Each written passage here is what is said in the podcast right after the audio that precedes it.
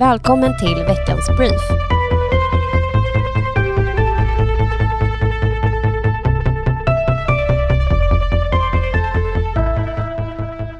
Under den senaste veckan har det varit stort medialt fokus på förlossningsvården.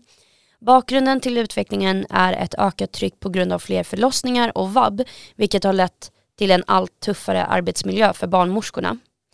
Det här har lett till att flera barnmorskor har sagt upp sig och nu tar Region Stockholm till ett antal åtgärder för att komma till rätta med problemen på kort och lång sikt. Några av dessa är en förlossningssamordnare med uppgift att se över möjliga lösningar på kort sikt för att säkerställa regionens förlossningskapacitet. Över 100 miljoner kronor extra till förlossningsvården under 2021 och 2022.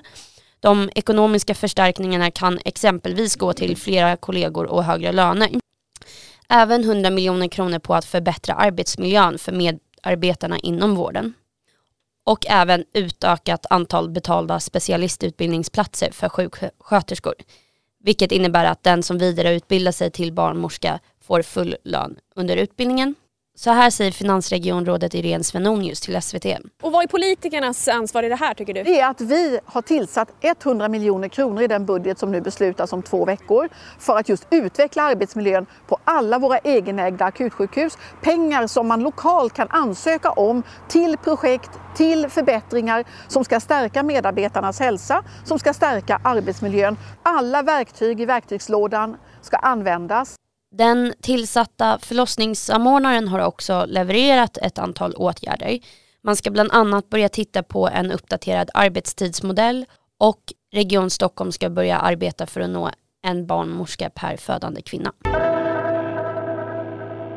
Förra veckan gick Annika Strandhäll, Karin Vangård och Karo Sinisalo till hård attack på Moderaterna i Stockholms stad i en debattartikel på Expressen. De hävdar att Moderaterna har misslyckats med att bekämpa kriminaliteten och att det saknas direkta insatser mot ungdomar som är på glid. Finansborgarrådet Anna König Hjelmyr och socialborgarrådet Jan Jönsson ger svar på tal i sin replik till artikeln. Det är inte vårt ansvar att upprätthålla lag och ordning. Det faller helt och hållet på staten och Annika Strandhälls partikamrater i regeringen. Anna König Hjelmyr och Jan Jönsson menar att det Socialdemokraterna försöker göra är att flytta fokus från regeringens misslyckande med att öka antalet poliser och ge dem lagstiftning som behövs för att komma åt den organiserade brottsligheten. Antalet poliser i Stockholm är idag färre än 2015 trots att befolkningen vuxit. Stockholms stad jobbar även intensivt med att förebygga att ungdomar hamnar på glid. Bland annat läggs stort fokus på att barn ska klara sin skolgång. I repliken nämns Järvaområdet som ett bra exempel på att med rätt fokus och hårt arbete av personalen går att åstadkomma resultat. Mellan 2019 och 2021 har gymnasiebehörigheten där ökat från 63% till 80%. Vill du läsa mer om vad Stockholms stad gör för insatser för att förebygga kriminaliteten kan du läsa repliken på Expressen Debatt. Trött på Socialdemokraterna, låna ut din röst till Moderaterna. Så är rubriken på en debattartikel som partisekreteraren Gunnar Strömmer och vice partiordförande Elisabeth Svantesson skrivit i Aftonbladet. Vi uppmanar alla besvikna socialdemokrater att låna ut sina röster till Moderaterna. I gengäld lovar vi att göra allt vi kan för att få ordning på Sverige. Moderaterna kommer samla landet, inte splittra. Vi ska fokusera på Sveriges stora problem och steg för steg ta tillbaka kontrollen. Bryta utanförskapet och bidragsberoende. Skärpa straffen och satsa på rättsväsendet för att trycka tillbaka brottsligheten. Säkra tillgången till ren och stabil el till rimliga priser för både hushåll och företag. Så skriver Gunnar Strömmer och Elisabeth Svantesson. Här kommer även ett meddelande till dig som funderar på att låna ut din röst till Moderaterna inför nästa val.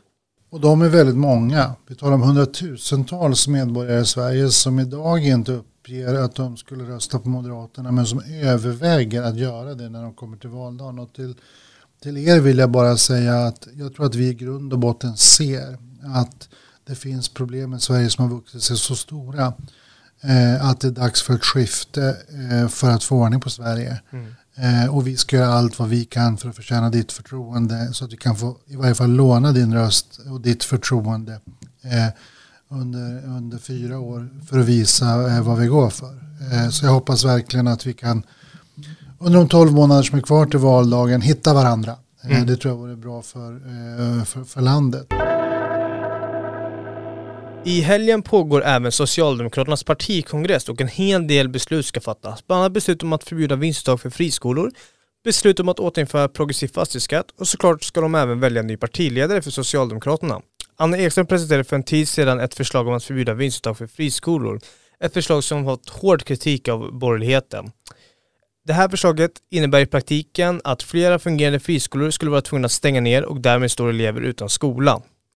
För oss skulle det innebära att vi lägger ner en väl fungerande gymnasieskola, uppskattad av både föräldrar och elever. Det skulle innebära att lärare och övrig skolpersonal blir arbetslösa, samt att Stockholms stad skulle få ännu svårare att lösa situationen med växande elevkullar och för få utbildningsplatser, säger John Feldhofer, rektor på NTI Handelsgymnasium till tidningen Näringslivet.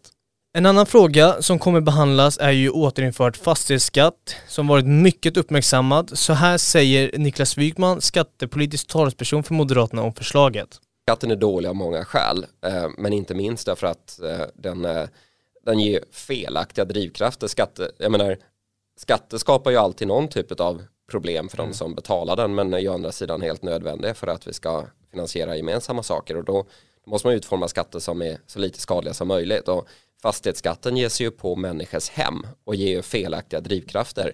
Det är ju alltså bra att människor äger och tar hand om sitt hem och investerar i sitt hem, amorterar på sina bolån. Eh, det är ju inte där Sverige har sina stora sociala problem.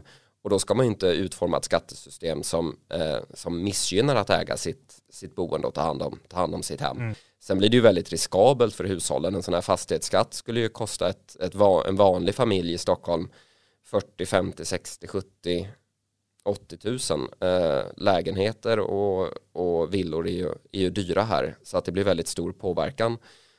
Från vänstern kommer det ju alltid låta som att det är de rika som ska betala men eh, i praktiken blir det ju vanliga arbetande människor mm. i den breda medelklassen som får betala.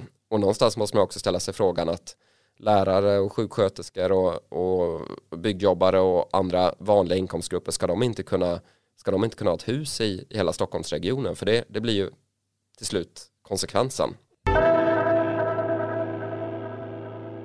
Veckans Brief är tillbaka varje fredag klockan 07.00 för att ge dig veckans toppnyheter.